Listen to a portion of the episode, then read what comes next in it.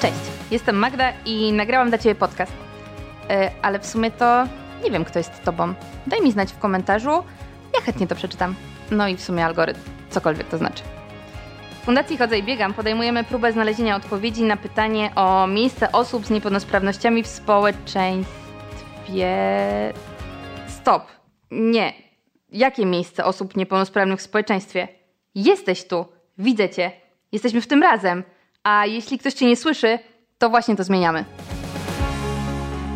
Przychodzi rodzic z dzieckiem do lekarza i co? No właśnie o to dzisiaj pytamy mojego gościa, Dominikę Jakubowską, psycholożkę dziecięcą. Tematem tego odcinka jest podmiotowość dziecka w systemie opieki zdrowotnej, czyli dokładnie tego, jakie strategie przyjmują rodzice i dzieci podczas leczenia, terapii, długotrwałej fizjoterapii, tego, co mogą i jak postępują lekarze, co może być pomocne, a co totalnie jest bez sensu i dlaczego dzieci płaczą, kiedy przychodzą do lekarza. A w sumie niektóre nie. No i o tym nam opowie pani psycholog. Przychodzi rodzic z dzieckiem do lekarza i co? Co się wydarza w takiej sytuacji? Jak reagują lekarze, jak reagują dzieci? Co robią rodzice w takiej sytuacji? To zależy. Zależy i od specjalisty, ale też od rodzica, od jego podejścia, mm, od tego, co jest dla niego lub dla niej ważne. E, ponieważ niektórzy rodzice już wcześniej przygotowują dziecko, tłumaczą, co się będzie działo, po co idą do lekarza, e, na czym będzie polegało badanie. No, niektórzy rodzice natomiast wybierają inną ścieżkę, czyli taką dość spontaniczną, czyli po prostu wychodzimy z domu, idziemy, na miejscu się okaże, co dalej.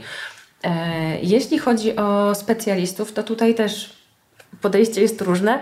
Niektórzy specjaliści mm, zwracają się i do rodziców, i do dziecka, więc też w tym procesie uwzględniają rzeczywiście e, całą rodzinę a przede wszystkim małego pacjenta, e, którego będą później leczyć. Mm. Natomiast inni specjaliści stawiają tylko na kontakt e, z rodzicami i tutaj głównym takim kanałem e, gdzieś przekazu informacji, no to jest właśnie rozmowa z rodzicem. Jak w takim razie w taką koncepcję wpisuje się idea pacjentocentryzmu, czym on w ogóle jest i jak to pojęcie, ta, ta filozofia całe ujęcie e, stojące za, za hasłem pacjentocentryzm odnosi się do leczenia dzieci? Pacjentocentryzm mm, jest takim podejściem, modelem, w którym pacjent e, zostaje partnerem w procesie leczenia. Czyli lekarz jako specjalista tutaj zbiera dokładny wywiad, robi badanie, proponuje plan leczenia, bazując na własnym doświadczeniu, na własnej wiedzy, ale również gdzieś jest takie oczekiwanie, takie zaproszenie pacjenta, żeby aktywnie w tym uczestniczył. Nie, nie, poddawał się biernie, ale też jednak miał w tym swój udział. Jeśli chodzi o dziecko, e, to to, co jest ważne, to właśnie, żeby dziecko również było od początku w tym procesie, czyli żeby wiedziało, co się będzie działo, co, e, na czym będą polegały badania, jak długo będą trwały, e, kto będzie to dziecko dotykał. I to też w dużej mierze zależy od mm, rodzica, jak on to przedstawi, ale również od specjalisty, ponieważ e, Coraz częściej możemy spotkać się z taką sytuacją, że właśnie specjalista, witając rodzinę w gabinecie, kuca do dziecka, podaje rękę, przedstawia się, pyta o imię i też zwracając się do rodziców, jednocześnie zwraca się do dziecka. Co to zmienia w takim razie w całym podejściu i, i to, że będziemy dziecko w tym całym procesie leczniczym traktować jako partnera? E, zależy to od wieku dziecka. Na przykład dla, zacznę od nastolatków. E, to jest też już taki specyficzny moment w życiu człowieka, kiedy chce być traktowany poważnie, jak dorosły. I tutaj bardzo ważne jest, żeby rzeczywiście w gabinecie um, brać pod uwagę i rodziców, i tego nastoletniego pacjenta, żeby rozmawiać z nim w taki sam sposób, jak też z rodzicami, przekazywać mu wszystkie informacje, tłumaczyć, wyjaśniać. E, pytać też o różne rzeczy, ponieważ jednak leczenie będzie dotyczyło tego pacjenta. Mm, jeśli chodzi o młodsze dzieci, e, to buduje też większe takie poczucie zaufania i bezpieczeństwa przede wszystkim. Jak gdzieś dziecko wie, co się będzie działo. to nie ma takiego poczucia, że gdzieś jest no, przestawiane z miejsca na miejsce, z kąta w kąt, tylko faktycznie jest brane pod uwagę. Jest y, wyjaśnia się mu różne rzeczy, opisuje, tłumaczy i ono też wtedy zyskuje większy komfort, większą wiedzę i właśnie bezpieczeństwo, co, co będzie następnym krokiem, co się wydarzy. W przypadku dzieci to też jest tak, że tutaj mm, trzeba mocno zdać się na rodziców i ich znajomość dziecka, ponieważ nie każdemu dziecku będzie służyło takie szczegółowe, dokładne opisywanie wszystkiego, co się wydarzy, każdej procedury, bo może to wywoływać duży lęk. Więc wtedy też w takich sytuacjach, e, na ile rodzic zna swoje dziecko i właśnie to, w jaki sposób reaguje na takie trudniejsze sytuacje, to w zależności od tego też trzeba ten komunikat dopasować do dziecka. I, I czasem warto po prostu przekazać różne wiadomości rzeczywiście dopiero w domu, na spokojnie, czy w zabawie, czy w rysunku, e, a nie w gabinecie. Niejednokrotnie dziecko jest wypraszane z gabinetu lekarza po niezbędnych badaniach, e, żeby, żeby nie wiem, nie przeszkadzało, żeby oszczędzić mu wielu informacji. Jakie strategie przyjmują rodzice w kontakcie z placówką zdrowia, e, też w relacji dziecko-lekarz? E, co pomaga, a co jest złą praktyką i dlaczego? Mhm to też trochę już zahacza e, o to, co powiedziałam przed chwilą. w zależności i od wieku dziecka, ale też od jego takiej wrażliwości, warto albo rzeczywiście cały czas mieć dziecko w gabinecie, y, albo jednak y, zorganizować tą przestrzeń i ten czas w inny sposób, czyli na przykład jeden opiekun z dzieckiem wychodzi, a zostaje drugi z lekarzem czy lekarką. Czasem też jest tak, że mm, same dzieci komunikują wyraźnie, że one nie chcą być w gabinecie, nie chcą tego słuchać, bo to jest zbyt dla nich straszne. To też jest bardzo ważna informacja i warto ją uszanować. Mm, ponieważ dziecko samo nam wyraźnie daje znać, że gdzieś to jest za dużo. E, I wtedy tym bardziej warto właśnie skupić się na rozmowie, na przekazaniu takich informacji w domu, w bezpiecznych warunkach i też dawkować te informacje. Czyli najlepiej um, posłuchać dziecko, co ono ma do powiedzenia w tym temacie, jak w ogóle to widzi, jakie ma pytania i bezpośrednio na te pytania y, odpowiadać. Tak, żeby rzeczywiście nie wybiegać gdzieś za daleko. Y, i w przyszłość, ale też y, w zbyt takie obszerne, obfite opisy, tylko rzeczywiście skupić się na, konkretnie na odpowiedzi na dziecięce pytania. Ale jest bardzo dużo dzieci, e, już też kilkulatków, które chcą aktywnie uczestniczyć tutaj w, mm, w przekazywaniu tej informacji, więc też one wtedy czują się po prostu lepiej, jak mogą wziąć udział e, w takiej rozmowie, gdzieś siedząc na kolanach, czy u mamy, czy u taty, ale słuchając uważnie, e, co się będzie działo, jak cały proces będzie wyglądał. Po co właściwie tłumaczyć wszystko dziecku i jak mówić do dziecka, żeby mm, go nie przestraszyć, a jednocześnie być też e, słyszanym i zrozumianym przez to dziecko? Tłumacząc dziecku, mm, objaśniamy mu tak naprawdę, co się będzie działo, ale też w jaki sposób funkcjonuje świat, badania, e, właśnie spotkania u specjalistów. Mm, to pomaga dziecku gdzieś uporać się z lękiem. Nie zupełnie go zniwelować, bo prawdopodobnie ten lęk i tak się pojawi, e, ale gdzieś pomoże to ten lęk trochę zmniejszyć. I teraz jak mówić, by nie, nie przestraszyć? Najważniejsze jest to, żeby właśnie nie straszyć, na przykład nie straszyć, nie straszyć lekarzami, pielęgniarkami, zabiegami, szpitalem. Nie można mówić dziecku, że bądź grzeczny, bo dostaniesz zastrzyki i będzie bolało. Mhm.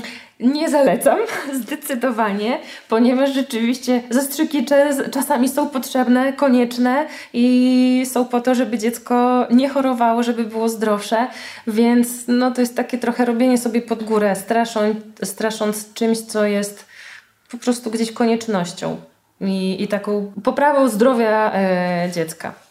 To, co jest kluczowe, to wybór momentu, w którym rodzic widzi, że dziecko jest w dobrej formie. Jest wypoczęte, jest spokojne, mm, najedzone, gdzieś jego takie podstawowe potrzeby są zaspokojone i kiedy jest wystarczająca ilość czasu, żeby na spokojnie z tym dzieckiem usiąść, porozmawiać, pobawić się, bo to jest też taki język, e, taki dziecięcy język, zabawa. Dużo rzeczy możemy dzieciom pokazać, wytłumaczyć w zabawie. To też jest taka bezpieczniejsza dla nich forma, ponieważ e, one też różne swoje lęki w tej zabawie potrafią przepracować i też pokazać nam, dorosłym, czego się boją, co jest dla nich straszne, mm, jak też sobie wyobrażają, na przykład pobyt w szpitalu.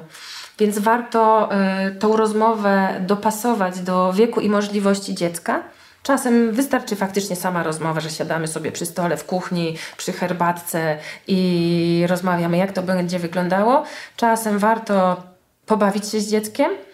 I to, do czego zawsze zachęcam, to jest, żebyśmy my zadawali dzieciom pytania co ono myśli na ten temat, co się będzie działo, czy może coś już słyszało, co już wie. Wtedy też nam będzie łatwiej opowiedzieć dziecku, e, bo gdzieś będziemy wiedzieć, na jaki, z jakiego poziomu mamy wyjść. Mały, słaby, płaczliwy, niegrzeczny, uparty. Czasem słyszymy, jak rodzice określają w ten sposób swoje dziecko. Jak zatem język wpływa na rozumienie świata przez dzieci? Bardzo lubię takie sformułowanie, że język kształtuje naszą rzeczywistość. Gdzieś jest mi to bliskie i tak samo jeśli chodzi o nazywanie dzieci w pewien sposób. Więc bez względu na to, czy właśnie nazywamy dzieci małym, płaczliwym, niegrzecznym, upartym, czy też wspaniałym, grzecznym, nie wiem, mm, posłusznym, to gdzieś nadajemy dzieciom jakieś konkretne etykietki to jest duże obciążenie, ponieważ e, gdzieś dziecko, chcąc sprostać tym etykietom, bez względu, na, bez względu na to, czy one są pozytywne czy negatywne, próbuje się dopasować swoim zachowaniem, swoim myśleniem o sobie do tego, co usłyszało od dorosłych. Bo gdzieś dzieci też uczą się tego świata dzięki dorosłym, tak? którzy im ten świat pokazują, objaśniają. Więc kiedy dorosły mm, mówi dziecku, że jest właśnie niegrzeczne, niedobre, uparte, to też dziecko zacznie w końcu w to wierzyć, że ono takie rzeczywiście jest. E, I to też blokuje przed taką potencjalną zmianą. No bo skoro jestem niedobry, niegrzeczny, nieznośny, no to taki jestem.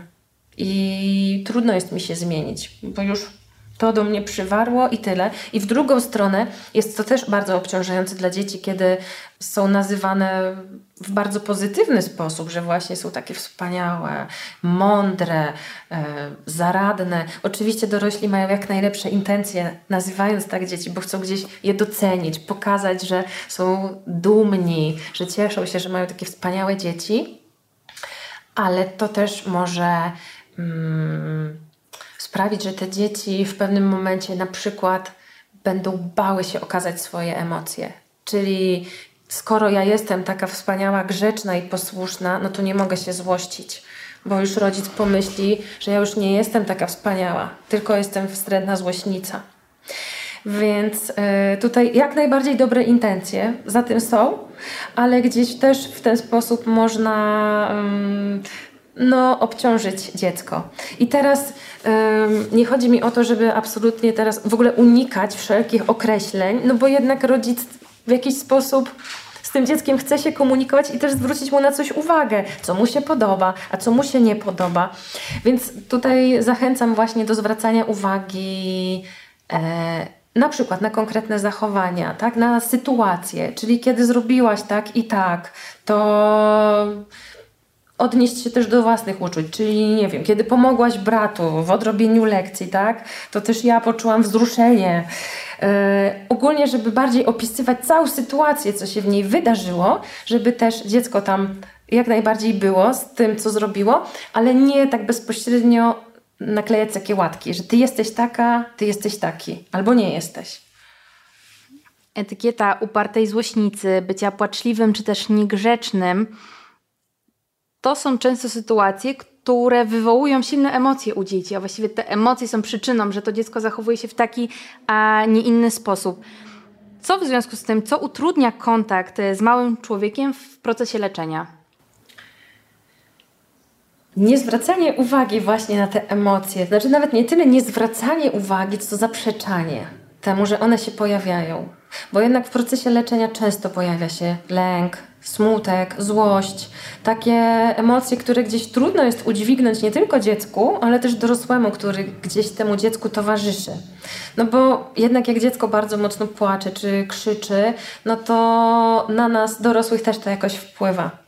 I gdzieś chcemy sami sobie pomóc, mówiąc na przykład dziecku: Oj, nie płacz, nic się nie dzieje, ale przecież w ogóle wcale nie boli, nie przesadzaj.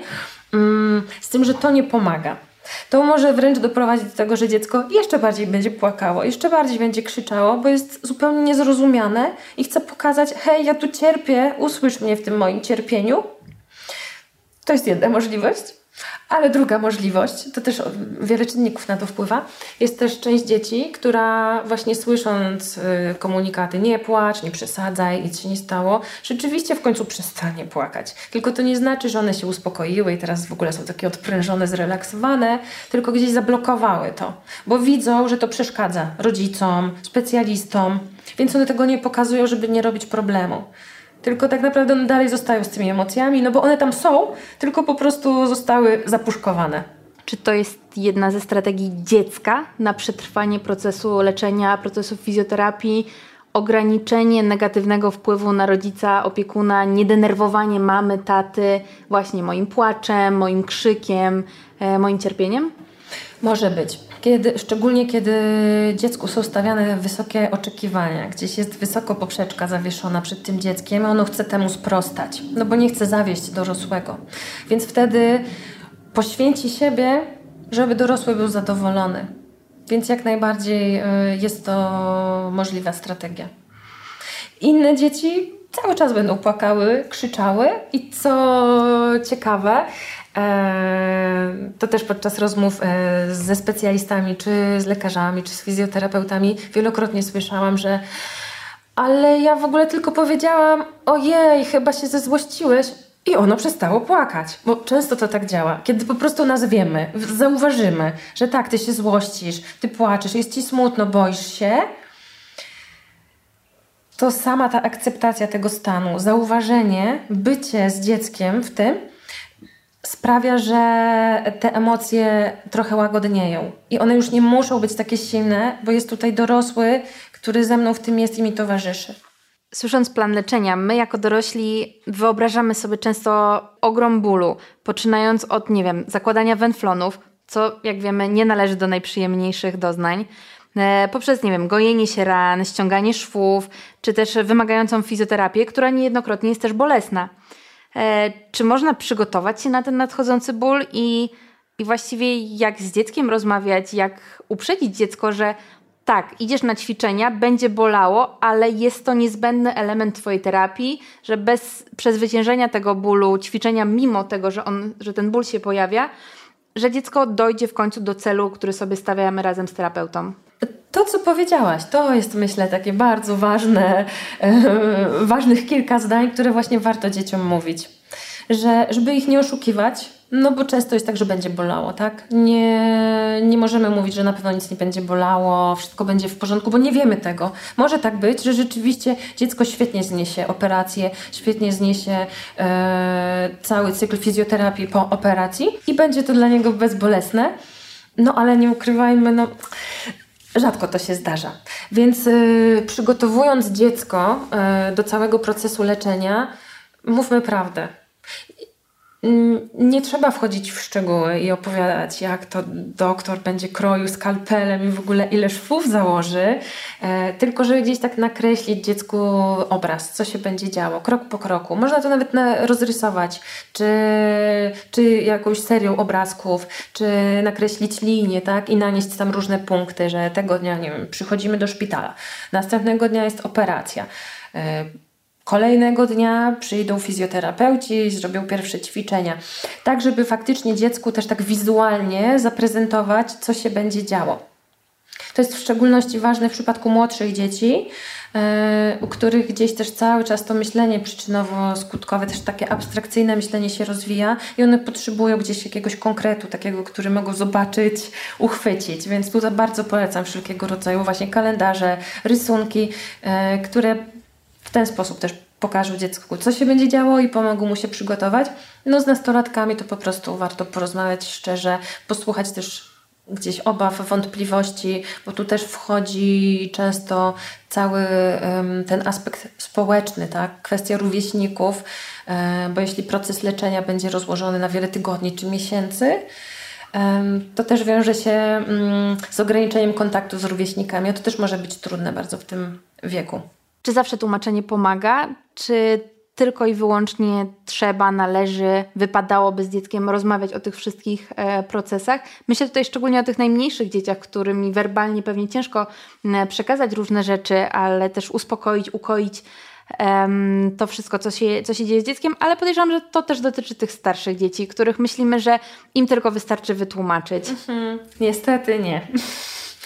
Byłoby super, gdyby wystarczyło wytłumaczyć, ale no Często jest tak i u małych dzieci, i u dużych, że my bardzo dużo gdzieś na poziomie głowy rozumiemy, że wiemy, co się będzie działo, wiemy o co chodzi, dużo rzeczy rozumiemy, ale jednak nasze emocje i nasze ciało i tak reaguje. E, reaguje napięciem, emocje się pojawiają, e, pojawia się przyspieszone bicie serca i mimo tego, że gdzieś tutaj w głowie wszystko wiemy, no, że będzie się działo to i to, to lęk i tak mm, jest. W przypadku małych dzieci tłumaczenie e, Chodzi, chodzi mi teraz o niemowlaki, że no tak, zdecydowanie, jeśli chodzi e, o rozwój poznawczy, no to mm, można tak naprawdę opowiadać cokolwiek, no a dziecko też będzie bazowało bardziej na tonie głosu rodzica niż na mm, treści, ale w przypadku takich małych dzieci tłumaczenie im pomaga rodzicowi też gdzieś usłyszeć siebie, usłyszeć co się będzie działo, e, oswoić się z tą całą sytuacją i pomaga też właśnie swoje własne e, emocje wyregulować. I bez względu na to, czy dziecko jest malutkie, czy całkiem duże, to bardzo ważny jest kontakt fizyczny z bliską osobą, z mamą, z tatą, z rodzeństwem, więc przytulanie, głaskanie, trzymanie za rękę, czasem to jest dużo ważniejsze i przynosi dużo więcej korzyści niż tłumaczenie. Więc po prostu takie bycie obok, e, nawet w ciszy, e, właśnie przytulenie, kiedy trzeba, mm, pozwolenie na popłakanie sobie, pozwolenie na złość, a nie tłumaczenie. Ten płacz jest w ogóle, mam wrażenie, takim mm, newralgicznym momentem. Wywołuje bardzo dużo emocji w osobie, która płacze i efektem tego jest właśnie, są łzy, ale też wokół otoczenia terapeuty, który ćwiczy z dzieckiem, pielęgniarki, która odwiedza na oddziale, lekarza, który przychodzi na kontrolę i tego rodzica, który jest najdłużej z dzieckiem w gruncie rzeczy w całym procesie. I już bardzo dużo zrobiliśmy. Były książki, nie wiem, zabawy w lekarza, nawet do szpitala zabraliśmy ulubione przedmioty dziecka, które pomogą mu łatwiej wejść w ten cały proces, a ono dalej płacze. Co robić? Hmm. Może tak być, że będzie dalej płakać i to też jest w porządku. To, co jest najważniejsze w tej sytuacji, to sprawdzić też, jak nam jest z tym płaczem. Bo właśnie tak jak powiedziałaś, no to oddziałowuje na, na rodziców, na terapeutów, na innych specjalistów. Bo jednak kiedy widzimy płacz drugiego człowieka, no to gdzieś włącza nam się też czy taka chęć pomocy, czy też złość czasami to się też z różnych bierze gdzieś e, momentów w życiu człowieka. Być może sam kiedyś nie został gdzieś utulony, usłyszany w swoim płaczu. I to jest trudne. Z jednej strony, no właśnie, bo zaakceptować płacz, tak? E, brzmi prosto, ale tak naprawdę jest bardzo trudne, bo wiąże się to gdzieś z pogodzeniem się z tym, że robię co mogę najlepiej, jak potrafię, ale dziecko i tak płacze. I to nie znaczy, że jestem złym rodzicem, że nie radzę sobie, że inni sobie radzą lepiej. Nie, po prostu gdzieś dziecko w tej sytuacji jest tak przestraszone, tak bardzo cierpi, że mimo moich najszczerszych chęci bycia blisko, przytulania, zapewnień, tłumaczeń, ono i tak będzie płakało. Mówiąc o strategiach na przetrwanie leczenia i fizjoterapii, skupiłam się bardziej na takich e, trudnościach, na tym, co może nie pójść i że to będzie po prostu droga przez mękę, ale nie zawsze tak jest. Czasami po prostu dzieci sobie radzą gdzieś z łatwością i lekkością i ze wsparciem rodziców, ale czasem też y, po prostu lubią ćwiczenia, dobrze się czują e, i wychodzą po całym procesie leczenia zadowolone, szczęśliwe i gotowe do dalszego życia i podbijania świata. Na zakończenie chcę jeszcze zapytać o wymagania względem personelu medycznego, bo stawiamy je my jako dorośli pacjenci, stawiają rodzice tych nieco młodszych, stawiają przełożeni, kolejne ustawy nakładają nowe obowiązki na poszczególnych pracowników. E, I dlaczego ja mam się jeszcze w tym całym procesie zastanawiać nad komunikacją z pacjentem, jego bliskimi e, i jeszcze zwrócić uwagę na to dziecko? Chcę być tutaj w tym momencie trochę głosem właśnie tego personelu medycznego, który ma w gruncie rzeczy bardzo dużo na głowie w całym procesie i nie ma tylko jednego ko konkretnego pacjenta, który potrzebuje tej uważności. Mhm, tak, ja myślę, że to bardzo ważny temat, e, biorąc pod uwagę gdzieś przeciążenie personelu medycznego i pod względem mm, obowiązków i czasu, jaki muszą spędzić w pracy, ale też pod względem takim emocjonalnym, że to jest po prostu bardzo odpowiedzialna, wymagająca, obciążająca praca. I teraz y, rzeczywiście może się pojawić coś takiego, że my tutaj jeszcze dodatkowo dokładamy jakieś obowiązki, jakieś oczekiwania, że ty specjalistą musisz, tak? Jakoś teraz inaczej. Ogólnie tak sobie myślę, że te wszystkie mm, zawody związane z pomaganiem, czyli właśnie i lekarze, i pielęgniarki, pielęgniarze, yy, cała grupa fizjoterapeutów, to są osoby, które zazwyczaj jednak z powołania wybierają te zawody, więc one chcą pomagać i chcą tego drugiego człowieka stawiać w centrum. To, co przeszkadza w tym, to gdzieś duża taka biurokracja, mm, wypełnianie tych wszelkich formularzy, druczków, no, które trzeba, tak, żeby gdzieś to wszystko się zgadzało, ale to rzeczywiście oddala od, e, od tej relacji z drugim człowiekiem. E, i od stawiania pacjenta w centrum, no bo po prostu specjalista ma zbyt dużo na głowie i zbyt dużo takich rzeczy, które gdzieś musi zrobić, e, mimo że korzystniejsze byłoby na przykład spędzenie większej ilości czasu e, z pacjentem. Bo kiedy też pacjent zaufa specjaliście, poczuje się z nim bezpiecznie, czuje się usłyszany, gdzieś ze swoimi troskami, wątpliwościami, E, to też będzie miał większą chęć i motywację w ogóle do współpracy, do tego, żeby wypełniać gdzieś te zalecenia e, specjalistów, żeby przestrzegać tego planu leczenia, e, planu brania leków. Więc wiąże się to z dużymi korzyściami, bo jednak kiedy właśnie pacjent poczuje się taki ważny, no to też chętniej weźmie odpowiedzialność za swoje leczenie. Nawet małe, bo kiedy dzieciom damy możliwość decydowania, wyboru w takich oczywiście ograniczonym zakresie, nie, że to teraz wybieraj wszystko, ale to też wtedy widać, że te dzieci inaczej podchodzą do całego leczenia, bo mają takie poczucie, że coś od nich zależy. A to jest bardzo ważne, bez względu na wiek. Mhm. A co ode mnie jako pracownika służby zdrowia zależy, jak ja mam zadbać o siebie w tym całym mhm. procesie, bo to też jest ważne. Znamy przykłady niejednokrotnie sami gdzieś tam siebie nadużywamy w procesie pomocowym, ale tą granicę gdzieś w którymś miejscu trzeba postawić. Tak sobie myślę, że to też jest bardzo trudne. Eee, znaczy, ważne pytanie, ale trudno na to jednoznacznie odpowiedzieć, bo kiedy człowiek po prostu jest przeciążony i przemęczony,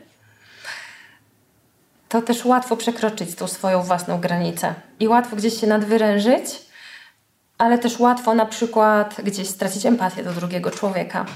Um, więc to, co ja mogę z mojej strony tutaj gdzieś mm, zaproponować, to co warto zrobić, e, to zwracać uwagę, tak skanować, e, nawet w ciągu dnia, e, skanować po prostu to, w jaki sposób my się czujemy w tym momencie, co się z nami dzieje, czy na jakim poziomie jest już moje zmęczenie, moje zdenerwowanie, tak, moja irytacja. I jeśli jest taka możliwość, nawet żeby porozmawiać z kolegą, koleżanką z zespołu, dosłownie przez po prostu minutę, dwie, żeby powiedzieć, że słuchaj, no trzęsie mnie, tak, już nie mogę, nie wytrzymam, to też bardzo dużo daje bo nie jesteśmy w tym sami, tak? Jest to poczucie przynależności, że ktoś mnie słyszy, ktoś też ma tak jak ja i dalej możemy pchać ten wózek. Ale oczywiście jak najbardziej warto też dbać o standardowe takie rzeczy, które też specjaliści y, związani z zdrowiem zawsze zalecają, czyli odpowiednia dieta, odpowiednia ilość snu, odpowiednia ilość ruchu. Aczkolwiek sama wiem, że y, jest to czasami po prostu bardzo trudne do wdrożenia, ale rzeczywiście skuteczne. Więc na tyle, na ile można, to warto też o to dbać. Czyli co, warto chodzić albo biegać? Oczywiście, warto.